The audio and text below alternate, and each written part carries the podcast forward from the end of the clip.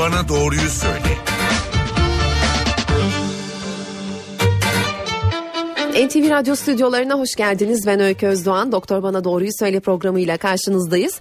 Bugünkü bu haftaki konumuz bağışıklık sistemi olacak. Genel anlamda bağışıklık sistemini konuşacağız. Stüdyo konuğumuz Memorial Ataşehir Hastanesi Göğüs Hastalıkları ve İmmünoloji uzmanı uzman doktor İlkay Keskiner'le stüdyomuza hoş geldiniz. Teşekkür ederim. E, dinleyicilerimizden sizden de e, sorularınızı alacağız. 0212 335 47 20 0212 335 47 20 nolu telefondan veya yayın boyunca facebook.com slash ntvradio twitter.com slash ntvradio adreslerinden bağışıklık sistemi hastalıkları veya bağışıklık sistemi ile ilgili e, her türlü sorunuzu konuğumuza uzmanımıza uzman doktor İlkay Keskinel'e iletebilirsiniz. E, hocam şöyle başlayalım. Nedir bu bağışıklık sistemi dediğimiz şey? Bağışıklık sistemi aslında tek bir sistem, tek bir organ gibi düşünülmemeli. Bir organlar bütünü. Ee, bu bir vücudun dış ortamdan gelecek her türlü tehlikeye karşı savunmasını sağlayan bir nevi bizim e, ordumuz diyebiliriz kısaca. Hı hı. Bağışıklık sisteminin içine e, hem bizim işte timus gibi, dalak gibi, kemik iliği gibi bazı organlarımız hem de boğazımızdaki bademciklerden tutun da diğer bölgesel lenf bezlerine kadar pek çok organ ve yapı bu sistemin elemanlarını oluşturuyor. E, peki bu e, bağışıklık sistemi e, hastalıkları dediğimiz şey vücut kendi kendini kendi antikorlarını yabancı madde zannediyor. Kendi kendine saldırıyor galiba. Bu nasıl bir şey? Niye böyle bir şey yapıyor? Evet bu otoimmün dediğimiz hastalık grubu eskiden çok da sık karşılaşmadığımız biz daha medenileştikçe maalesef hı hı. normalden ve doğaldan uzaklaştıkça daha sıklıkla gördüğümüz e, otoimmün hastalıklar. Bunlar örneğin e, bir ne bileyim miastenia gravis, diyabet, şeker hastalığı yani tiroidle ilgili Guatr e, Hashimoto tiroiditi denilen bir takım hı hı. hastalıklar. Bunlar hep vücudun kendi dokularını bağışıklık sisteminin yabancı kabul ederek buna karşı e, savaşmasıyla vücudu yabancıymış gibi görerek bu organlara zarar vermesiyle oluşan bir takım hastalıklar. Peki e, tam da onu soracaktım bir dinleyicimiz var gerçi şu anda hatta ama şu sorumu tamamlayayım. E, son zamanlarda son yıllarda duyduğumuz bir şey bu otoimmün hastalıkları bağışıklık sisteminin zayıflaması. Ne oldu da oldu dediğiniz gibi modernleştik değil mi arttı bunlar? Gerçekten modernleştik de arttı. Biz doğaldan çok uzaklaştık. Şimdi otoimmün hastalıklarının bir değil birkaç sebebi var aslında. E, bu bazı virüslerin e, normal hücre dokusunu bozup yabancı zannettirmesinden tutunuz da başka pek çok hani çok daha detaylı mekanizmalarla oluşabiliyor bunlar. Ee, biz gerçekten doğaldan çok fazla uzaklaştık. Hakikaten benim öğrencilik yıllarımda Hashimoto mu o ne diyeceğimiz kadar Tabii. nadir gördüğümüz bir hastalık. Şimdi poliklinikten gelen her hastayı sorguladığımda en az neredeyse 10 hastadan birisinde böyle bir şeyle karşılaşıyorum. E, ben de Hashimoto hastasıyım. Şu an 3 kişi stüdyoda 3 kişiden birinde karşılaşılabiliyormuş demek ki. Bir dinleyicimiz hatta sorusunu alalım. Merhaba yayındasınız sizi dinliyoruz. Tamam iyi günler. Yaşar Genç Mehmetoğlu İstanbul'dan rahatsız ediyorum. Buyurun. Ee, İlker Hanım Buyurun. İlker Hanım şöyle bir, birkaç tane soruyu arka arkaya soracağım ama kusura bakmayın. Tabii. Tip 2 diyabetim e, buna bağlı tabii ki insülin kullanıyorum. Sigara Radyonuzun sesini kısabilir misiniz bu arada? Tabii. E, sigaraya ba- sigarayı bıraktım. Sigara alıyordum fakat bazen alkol alıyorum. Hı hı. E, itiraf edeyim. E, şimdi korkuyorum da herkes diyor ki bu tür ürünler e, bağışıklığını çok azaltır. Multivitamin alıyorum her gün bir tane bağışıklığım güçlensin diye. Doğru mu yapıyorum, yanlış mı yapıyorum? Alkol ve sigaranın da bu konudaki olumsuzluklarından bahsederseniz sevinirim. Tabii. Ee, izleyicimiz gerçekten şimdi şeye değinmiş oldu. Benim uzun uzun evet. anlatacağım e, bağışıklık sisteminin hı hı. E, düşüren faktörler nelerdir ve güçlendirmek için ne yapalım aslında?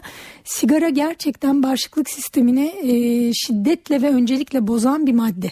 Sigaranın azı çoğu yok gerçekten. Klasik insanların e, bahsettikleri işte ben kahveyle bir tane içiyorum haftada bilmem kaç tane içiyorum gibi e, bahanelerin arkasına saklanmamak gerekiyor. Çünkü sigaranın tek nefesinde dahi yani tek bir nefes sigaradan çektiğimizde 10 üzeri 17 bu rakamı bilmiyorum hayal edebiliyor musunuz? Birin yanına 17 tane sıfır koyun. Bu benim matematiğim bunu okumaya yetmiyor. Böyle bir rakam oksidan madde tek bir nefesinde sigaranın bulunuyor. E, oksidan maddeler bu son yıllarda antioksidanlar falan hepimiz artık medyadan duyuyoruz. Evet. Hastalık yapan her tür madde aslında oksidanlar. Vücudun hücre yapısını bozan her şey. Düşünün ki tek bir nefesinde bile bu kadar oksidan madde varsa sigaranın bağışıklık sistemi üzerine ne yapacağını, her organ ve her dokuya ne kadar zarar vereceğini düşünün. Evet. Siz bir nefes çektiğinizde sigaradan e, 7 saniye içinde beyne dahi içindeki nikotin ulaşabiliyor. Dolayısıyla e, bütün vücudunuzdaki her noktaya, kanın ulaştığı her yere sigara ulaşabiliyor. E, bu nedenle bunun bırakılması tabii ki bağışıklık sistemi hastalıklar açısından son derece önemli. Alkol hakeza pek çok e, nedenle yine bağışıklık sistemini bozabiliyor. E, bir bağışıklık sisteminin hani şimdi pek çok nedenle derken onu da biraz açayım isterseniz e, bu sorunun üzerine. Şimdi mide bağırsak sistemi bizim bağışıklık ön sınır hattımız. E, bütün bağışıklık sisteminin neredeyse yüzde altmışı mide bağırsak sistemimizde. Hı. Mide bağırsak sistemini sağlam tutarsak bağışıklığımız daha güçlü oluyor aslında. Çünkü e, örneğin sigara gibi alkol gibi hani midenin e, mukozasına zarar veren maddeler bağışıklık sistemini daha da zayıflatabiliyorlar. Hakeza bağırsaklarda bulunan bir takım yararlı mikroplar bunların e, da ortadan kalkması yine bağışıklık sistemimizi bozabiliyor. Hı hı. E, belki hani konudan konuya zıplamış olacağım ama hazır açılmışken e, bozan başka bir faktör de aşırı evet. antibiyotik kullanımı. Hı, Şimdi önemli. maalesef ülkemizde çok gönül rahatlığıyla herkes gidip eczanelerden hekim reçetesi Tabii olmadan. Zaten hepimiz çok iyi biliyoruz evet. hangi ilaç neye yarar. Evet. Hiç sizlere ihtiyaç olmadan gidip alıyoruz. Ne yazık ki ihtiyaç olmama bir tarafa bir de denetimde yani hani dilediğiniz gibi o aldığınız ilacı kullandığınızda benim şahsi gözlemim insanlar 3 gün kullanıp 4. gün antibiyotiği yarım bıraktıklarında filan dirençli mikrop gelişimi artıyor. Antibiyotikler sadece zararlı mikropları değil aynı anda bizim bu e, bağırsaklarımızda bulunan ve bağışıklık sistemimizin önemli bir ayağını oluşturan yararlı mikropları da öldürüyorlar. Hı hı. Bu nedenle aşırı antibiyotik kullanımı da bağışıklığımızı bozabiliyor. Genetik faktörlerde e, var mı işin Çok içinde? önemli genetik. Her hastalıkta aslında genetik önemli. Biz genlerimizle bir hastalığa eğilimli olup olmadığımızı da taşıyoruz. Alerji eğilimimiz de buna bağlı. Ee, e, bu nedenle hani genetik altyapı tabii ki önemli ama her şeyde değil. Hı hı. Yani insanlar ailelerinde pek çok hastalık olan kimi kişiler e, strese giriyorlar. İşte benim aile genetiğim şöyle bozuk. Hı hı. Ama üzerine ne koyduğunuz, ne inşa ettiğiniz de önemli. Hı hı. Genetiğiniz ne kadar bozuk olursa olsun siz eğer sigara içmiyorsanız, alkol kullanmıyorsanız, sağlıklı kilodaysanız, düzenli spor yapıyorsanız, iyi besleniyorsanız ve yeterince uyuyorsanız zaten pek çok hastalıktan otomatik olarak korunmuş oluyorsunuz. Peki telefon numaralarımızı hatırlatalım bir kez daha 0212 335 47 20 0212 335 47 20 nolu telefondan bize ulaşıp bağışıklık sistemi ile ilgili sorularınızı stüdyo konuğumuz uzman doktor İlkay Keskinel'e sorabilirsiniz. E, radyasyondan da e, bir değinelim istiyorum. Yani sanki bağışıklık sistemi otoimmün hastalıklarına radyasyon da etkisi varmış gibi. Bu radyasyon nasıl ve ne kadar bir radyasyon?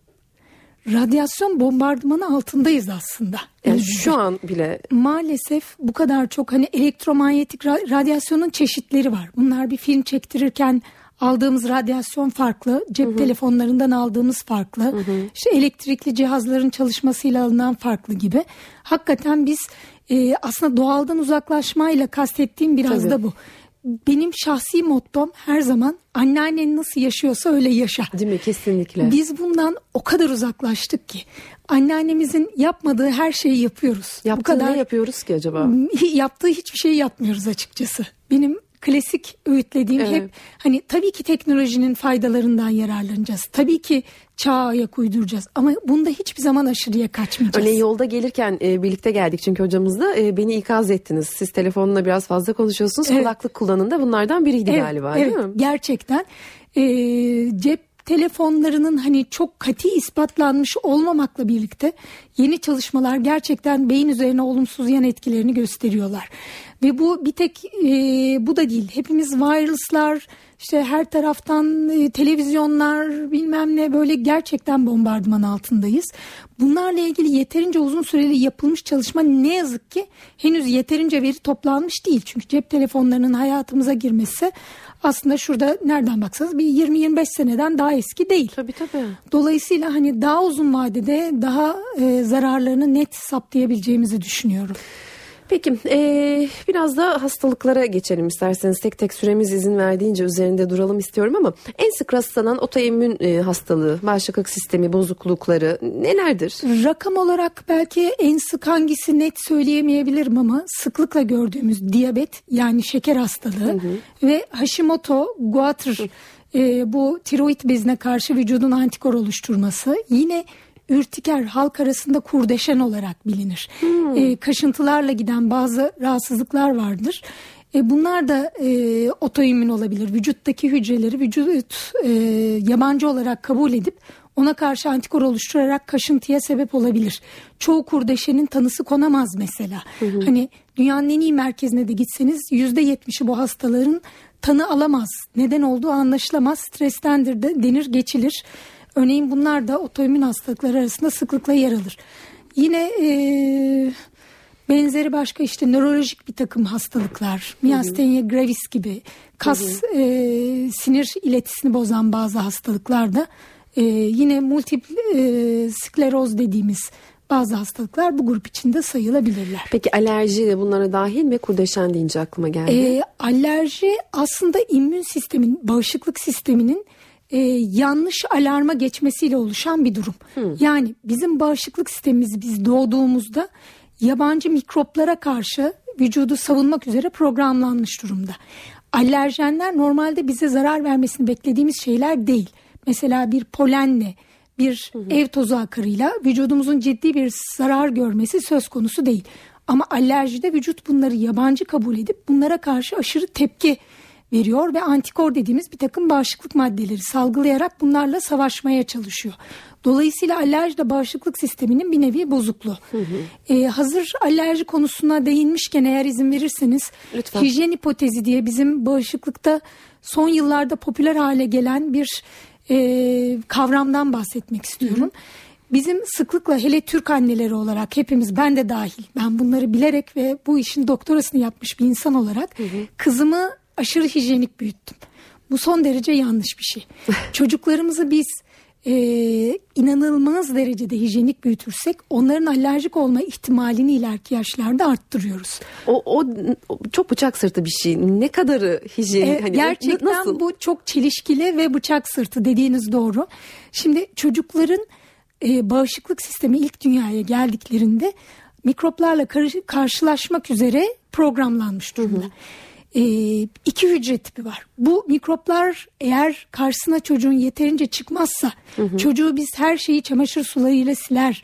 Elindeki oyuncakları işte evin içinde bile yere düşürdüğünde sabunlarsak hı hı. bu çocuk ister istemez bağışıklık sistemindeki bu hücreler e, savaşacak mikrop bulamadığından Kendi daha çok savaşıyor. alerji yönüne doğru He. dönüşecek bu hücreler ve alerjenlere daha çok tepki verecek ha, hale ne gelecek. Ne kadar önemli bir şey söylüyorsunuz. Ee, bu mikroplar için geçerli. Tam tersi şu doğru değil.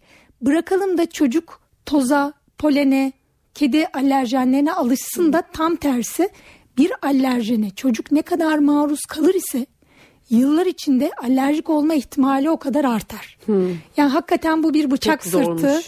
Çok zor, ayarlaması zor. Evet. Ama hani yine kabaca anneannelerimizin yaptığı evet. gibi yapalım yani bence. en azından başlangıç olarak yani benim de 9 aylık bir bebeğim var. Hakikaten oyuncağı yere düştüğünde aman da beyaz sabunla yıkayalım diye koşturuyorduk başlarda. Şimdi e, yani çamura batmadıkça ağzına sokabilir herhalde değil aynen mi? Öyle. Aynen öyle. Çok hani göz göre göre bir e, şeye ciddi bir mikroba maruz bırakmadıkça yani çocuğun aşılarını rutin yaptırıp düzenli takibini yaptırdıktan sonra çok da panik olup çocuğu oyun arkadaşlarından ayıracak kadar hani öyle anneler biliyorum artık çocuğu izole edip elinde ıslak mendille gezip Aynen. ki o ıslak mendillerin içinde de bir takım kimyasallar var. Hani koruyalım derken daha çok zarar veriyoruz. Peki e, tek tek e, immün sistemi hastalıklarına değinelim istiyorum. Sonra biraz ayrıntısına gireceğim. Çünkü romatizmal hastalıklar da giriyor mu? Bunlar da otoimmün hastalıklar içinde sayılabiliyor. Romatizma aslında çoğunlukla bizim özellikle daha ileri yaştaki hastaların zannettiği gibi tek bir hastalık değil. Hı. Romatizmal hastalıklar olan bir şey değil yani değil. aslında bu. Maalesef artık gençlerde de demin atladım bunu iki hatırlattınız. Ee, sıklıkla gençlerde de görebildiğimiz artık eskiden çok alışkın olmadığımız ama romatoid artrit gibi filan bir takım hastalıkları artık gençlerde de görebiliyoruz. Bunlar bir hastalıklar bütünü işte bir takım kimisi bel kemiğinde eğrilik yapıyor, kimi küçük eklemleri tutuyor, kimi aynı zamanda deriyi tutuyor. Ee, bu bunlar da bir takım immün sistemin, bağışıklık sisteminin yanlış e, tepkisiyle alakalı hı hı. rahatsızlıklar. MS de bu grupta mı? MS de evet. Onu e, nörolojik hastalıklar altında demin e, multiple dediğim MS ha, aynısı. O? Evet. Anladım. bu da e, sıklığı yine arttı. Dediğim gibi hani şöyle bir 30 sene öncesine e, hatırlamak gerekirse çok eskiden bu kadar sık rastladığımız bir şey değildi. Hı hı. Şimdi inanılmaz bir biçimde MS sıklığı da arttı e, kansere değinmeden geçemeyeceğim Geçemeyeceğiz. ama. Kesinlikle kanser daha keza. Yine dediğim gibi aynı noktada kilitleniyoruz. Biz hı hı. doğaldan uzaklaştık. Her şeyi rafine tüketiyoruz. Hı. Çok fazla kimyasal kullanıyoruz. E, bunların hepsi e, kanser de dahil bu hastalıkları tetikleyebiliyor. Mesela her şeyi paketliyoruz. Hiçbir şeyi doğal kendimiz evde ne bileyim yoğurt yapan sadece yeni anneler var evet. herhalde. Çoğunlukla evet. çoğu e, insan evde yoğurdunu yapmıyor. Ne bileyim bir kefir tüketimi bizim e, büyüklerimizin benim dedem yapardı.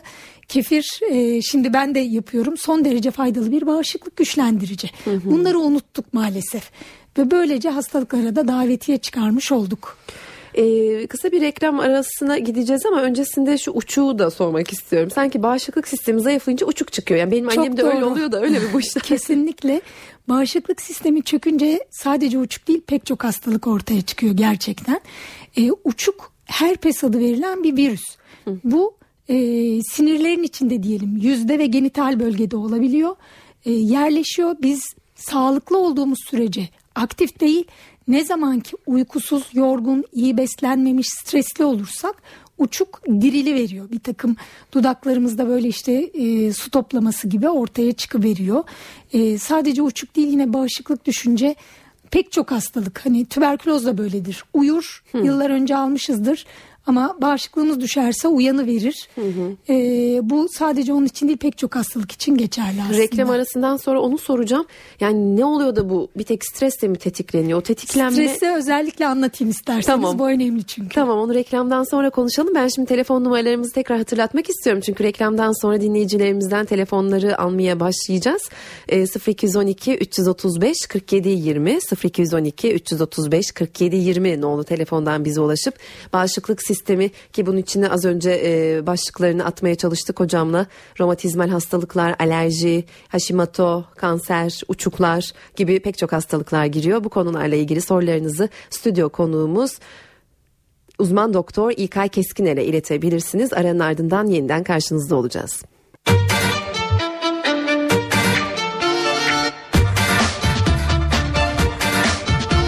Doktor bana doğruyu söyle devam ediyor. Doktor Bana Doğruyu Söyle programında bu hafta bağışıklık sistemi, otoimmün hastalıklar üzerinde sohbet ediyoruz. Stüdyo konuğumuz uzman doktor İlkay Keskiner'le e, dinleyicilerimizin sorularını alacağız bu bölümde 0212 335 47 20 0212 335 47 20 telefon numaralarımız. Bir, bir iki dinleyicimiz şu anda telefon hattımızda ama ben e, hocamla reklam arasında da konuşuyorduk. Hemen onun devamı olarak stresle ilgili e, biraz ayrıntıya girelim istiyorum. Nedir bu stres? Neden her şeyi bu kadar tetikliyor? Ve bunu nasıl yöneteceğiz? Nasıl başa çıkacağız? Ah, bilirseniz bana da bunu anlatırsanız nasıl sevineceğim. Şöyle stres iki tür aslında. Birisi fiziksel birisi ruhsal stres. Ee, yapılan çalışmalar göstermiş ki ruhsal stres fiziksel stresten bile daha çok insanları etkiliyor. Bağışıklık sistemini düşürüyor. Mesela bir araştırmadan bahsedeyim eğer sıkıcı olmayacaksa. Fareler üzerinde yapılmış. Hı hı. iki tane ayrı kafese fareler koyulmuş. Bu kafeslerden bir tanesi çok dar, küçük, hayvanlar sıkışık ve bu kafesteki farelere e, su ve yem ya hiç ya da az kadar böyle hani onları ölmemelerini sağlayacak kadar verilmiş. Diğer kafes daha geniş, yiyecekleri bol. Ama bu kafese saldırgan e, kötü bir fareyi haftanın altı günü ikişer saat koymuşlar ve sonra çıkarmışlar.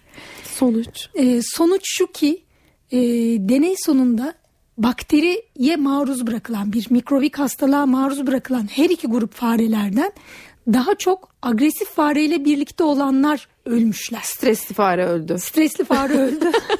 Aç kalan fareye bir şey olmadı.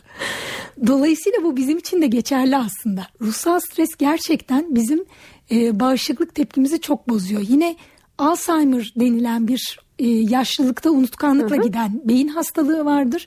Yine bu hastaların ailelerinde yapılmış bir çalışmada özellikle mesela Alzheimer'lı yaşlı bir hastanın yine yaşlı eşinde e, pek çok bağışıklık yanıtının düştüğü grip aşısı yapıldığında örneğin hani bir parametre olarak hı hı. grip aşısına yanıtlarının bile bunlarda daha az olduğu gösterilmiş. Hı hı.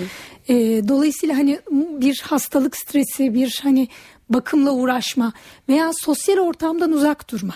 Yine hani e, daha e, çok arkadaşı olan, daha mutlu, daha çok konuşan insanların daha e, dayanıklı mı? Dayanıklı olabildikleri gösterilmiş. Bir tane daha benim hoşuma e, giden çalışmadan bahsetmek Hı, istiyorum. Erkeklerin evlendiklerinde bağışıklık yanıtlarının arttığı bekar ya da boşanmış erkeklerin bağışıklık yanıtlarının daha düşük olduğu da gösterilmiş. Murat duydun mu?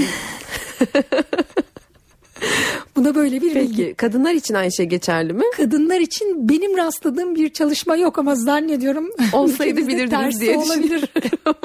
Peki bir dinleyicimiz hatta e, sanıyorum yurt dışından e, Amerika'dan arıyorlar. Sizi dinliyoruz. Buyurun yayındasınız. Aa, iyi günler. Aa, ismim Melih. Aa, Boston taraflarından arıyorum. Aa, ben Türkiye'den ilk buraya geldiğim zaman çok kolay hasta oluyordum ve yani bağışıklık sistemin yani rüzgardan bile etkilenen haldeydim. Bir, e, bir uzman doktor tavsiyesinde e, nedir adı? Bu iğnelerle yapılan tedavi yöntemi ne deniyor? İmmünoterapi mi? Akupunktur ee, Yok akupunktur, akupunktur evet. Akupunktur hmm. tedavisiyle kendimi çok çok iyi hissettim. Yani bir e, tozdan her şeyde alerji alırdım. Şimdi kendimi çok çok hissettim. Bir bu konuda görüşünüzü almak istiyorum. İmmün sistemi, bağışıklık sistemi konusunda akupunkturun faydasını görüyor musunuz? İkinci sorum ise e, eşim e, Amerikalı eşim e, Graves hastası.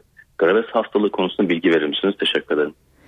E, tabii şimdi ilk soruyla başlayalım isterseniz.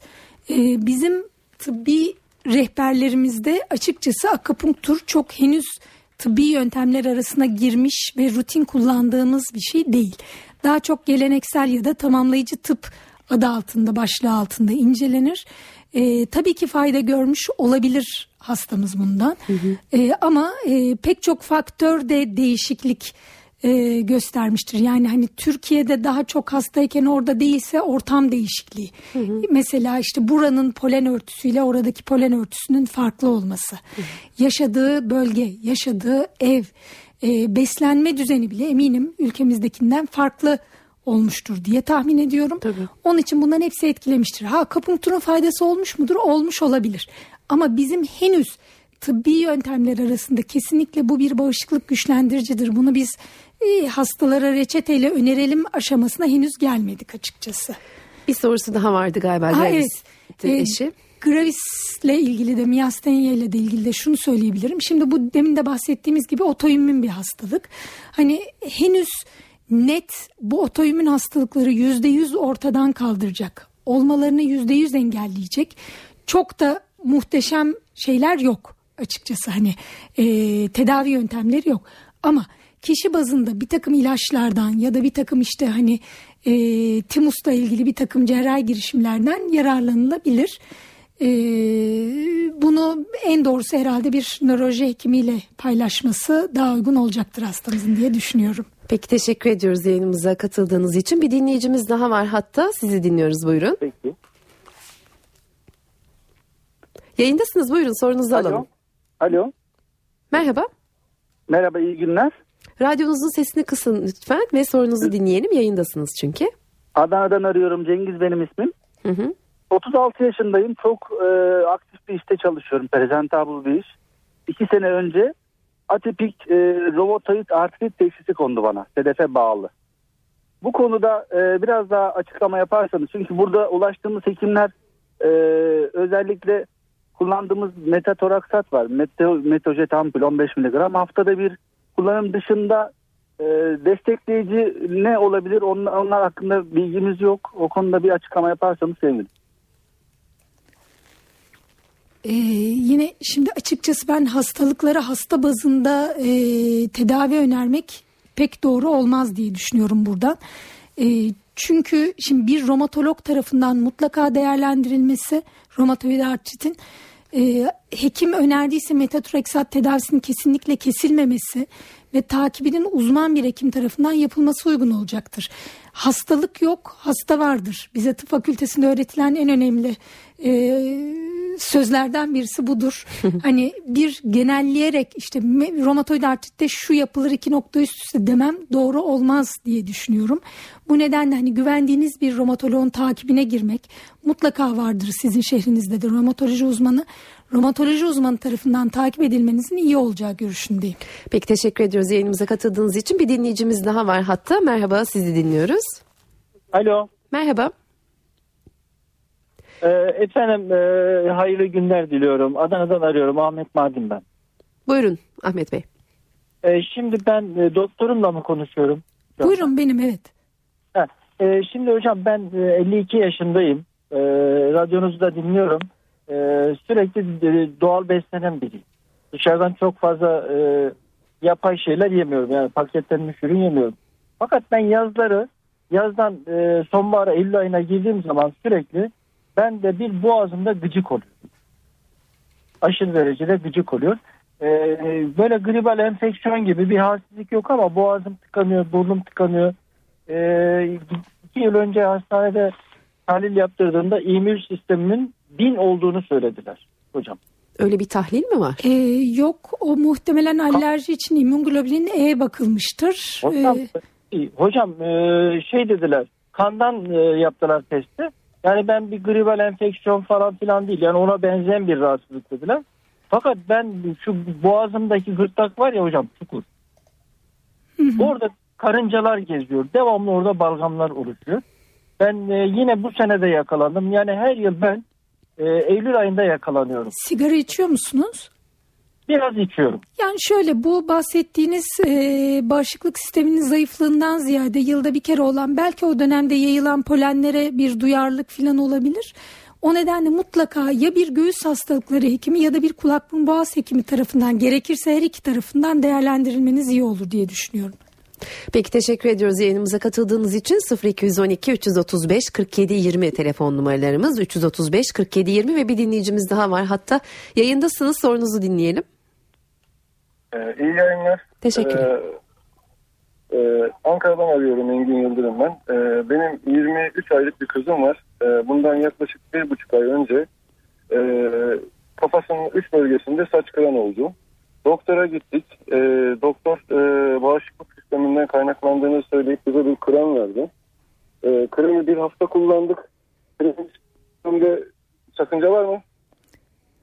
E, dermatolojik hastalıklar da bağışıklık sistemiyle ilgili olabilir. Gerçekten o bahsettiğimiz ürtiker gibi ya da hani e, bir takım saç kıran hakikaten hı hı. stresle tetiklenen bir şeydir. Ama e, küçük bir çocuk bunu mutlaka hani dermatolog bilerek zaten e, ne olduğunu anlayarak vermiştir ilacı. E, sakıncası olacağını düşünmüyorum. Gönül rahatlığıyla kullanın doktorunuzun verdiğini. Peki teşekkür ediyoruz yayınımıza katıldığınız için. Bir başka dinleyicimiz daha hatta yayındasınız. Buyurun lütfen.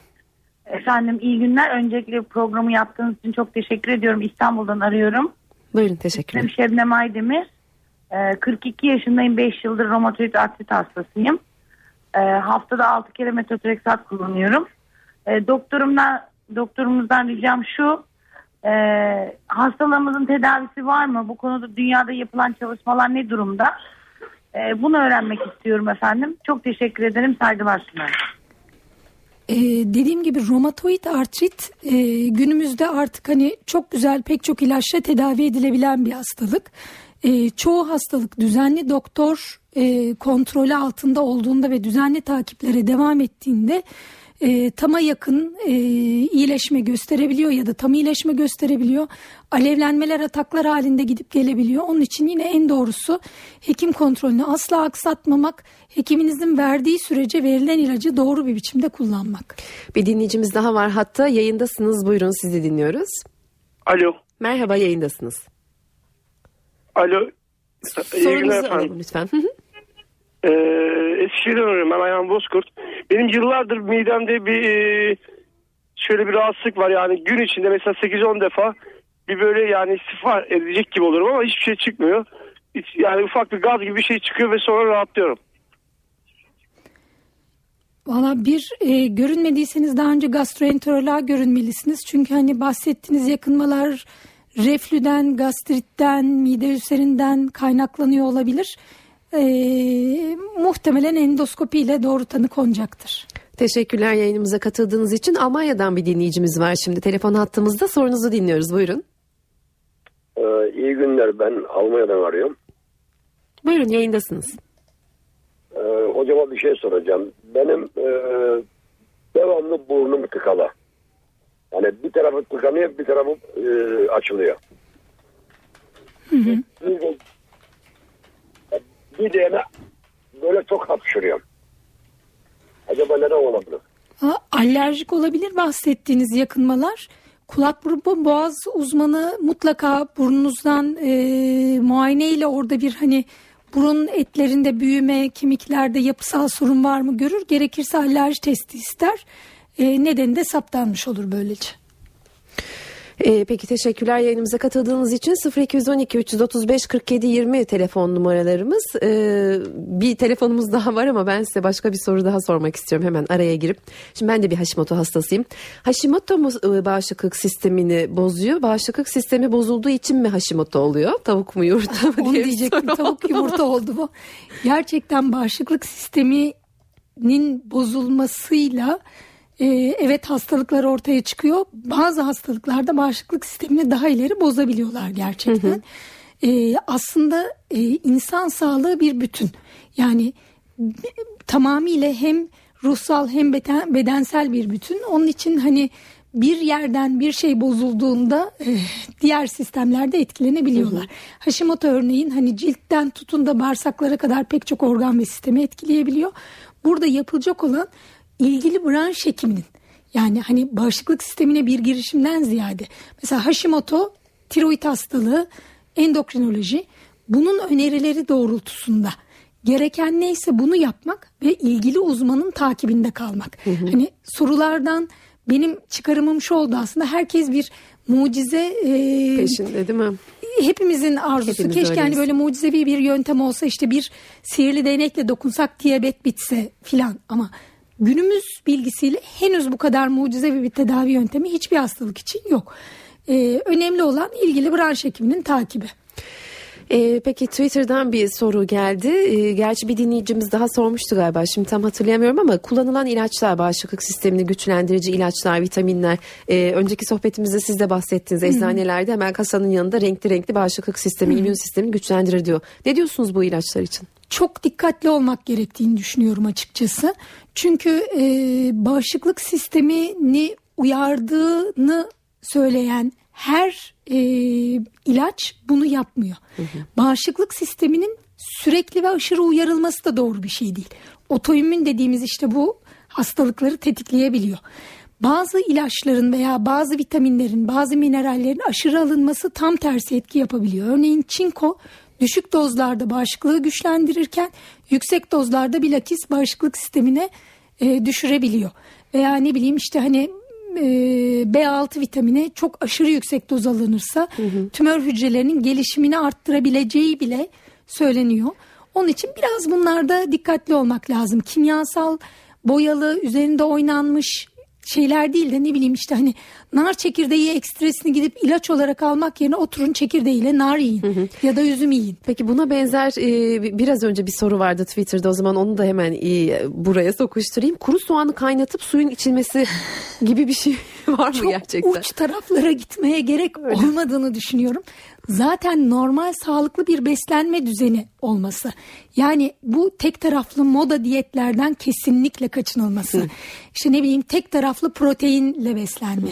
İşte insülin direncini önlemek için aşırı derecede e, karbonhidrattan yoksun beslenme filan gibi e, bu kadar uç diyetlerden uzak durmak her besin grubundan bize ilkokulda daha öğretilen e, şeylerden işte o besin piramidindeki e, proteini, yağı, e, meyveyi, sebzeyi her şeyi dengeli yediğimizde zaten biz gerekeni yapmış oluyoruz. Peki aslında süremizin sonuna geldik. Beni son derece uyarıyorlar artık toparlayalım diye ama şu soruyu da bana hızlıca bir toparlayabilirsiniz. Bağışıklık sistemini e, güçlendirmek için e, ne yapmak gerekiyor? Çok kısa bir formül bence. E, iyi ye, iyi uyu, stres yapma. Süper. Ama dediğim gibi bunu başarırsanız bana da lütfen tamam. nasıl baş bir başka İstanbul'da programda nasıl yapıldığını konuşalım. Peki çok teşekkür ediyoruz yayınımıza katıldığınız için. Memorial Ataşehir Hastanesi Göğüs Hastalıkları ve İmmünoloji uzmanı uzman doktor İlkay Keskiner'di bugünkü konuğumuz. Bağışıklık sistemi üzerine sohbet ettik kendisiyle. Aslında e, her hastalığa bir başka programda ayrı ayrı yer ayıracağız. E, dinleyicilerimizin bütün telefonları alıp sorularına yanıt veremedik ama bir başka programda daha karşınızda olacağız. Hoşçakalın.